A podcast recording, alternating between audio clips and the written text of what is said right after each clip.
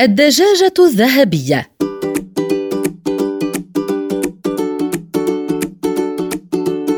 يحكى أن مزارعاً وزوجته كانا يملكان في مزرعتهما دجاجة جميلة ذهبية اللون.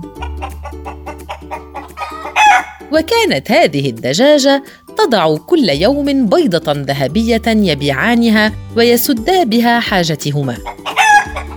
إلى أن فكر هذا المزارع يوما بأن يقوم بذبح الدجاجة لاستخراج ما يحويه بطنها من بيضات ذهبية يبيعها ويحصل من خلالها على الكثير من المال.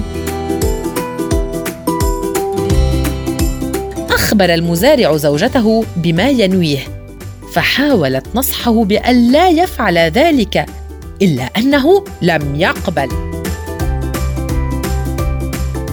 أعد المزارع السكين وشق بطن الدجاجة للحصول على البيضات الذهبية التي تخيلها.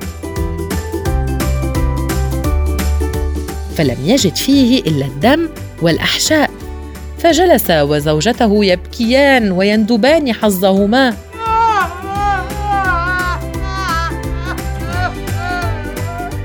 فقد خسرا بسبب الطمع دجاجتهما الذهبية التي كانت مصدر رزقهما اليومي.